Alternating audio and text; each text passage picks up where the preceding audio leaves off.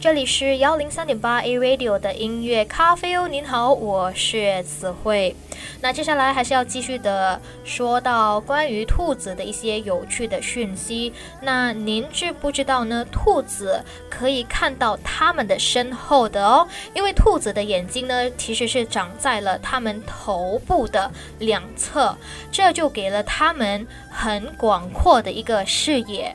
那事实上呢，兔子几乎可以。看到周围三百六十度的，这有助于他们去发现他们的敌人，或者说试图要去捕捉他们的捕食者。那这种广阔的视野呢，就意味着兔子不需要。回头就可以看到他们的身后了。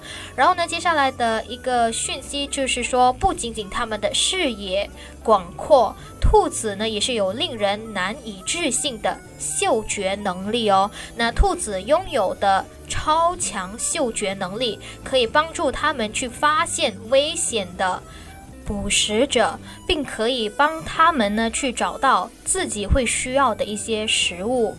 那事实上呢，兔子的嗅觉是非常非常敏锐的，它们可以检测到它们周围两英里，就是 two miles，就是大约是三千米外，三千多米外，就是三公里外的那个气味，它们是可以。味闻到的，那这种能力呢，是由于他们的鼻孔是很大，然后鼻孔里面呢有很多气味感受器，所以就让他们呢有这种难以置信的超强的嗅觉能力哦。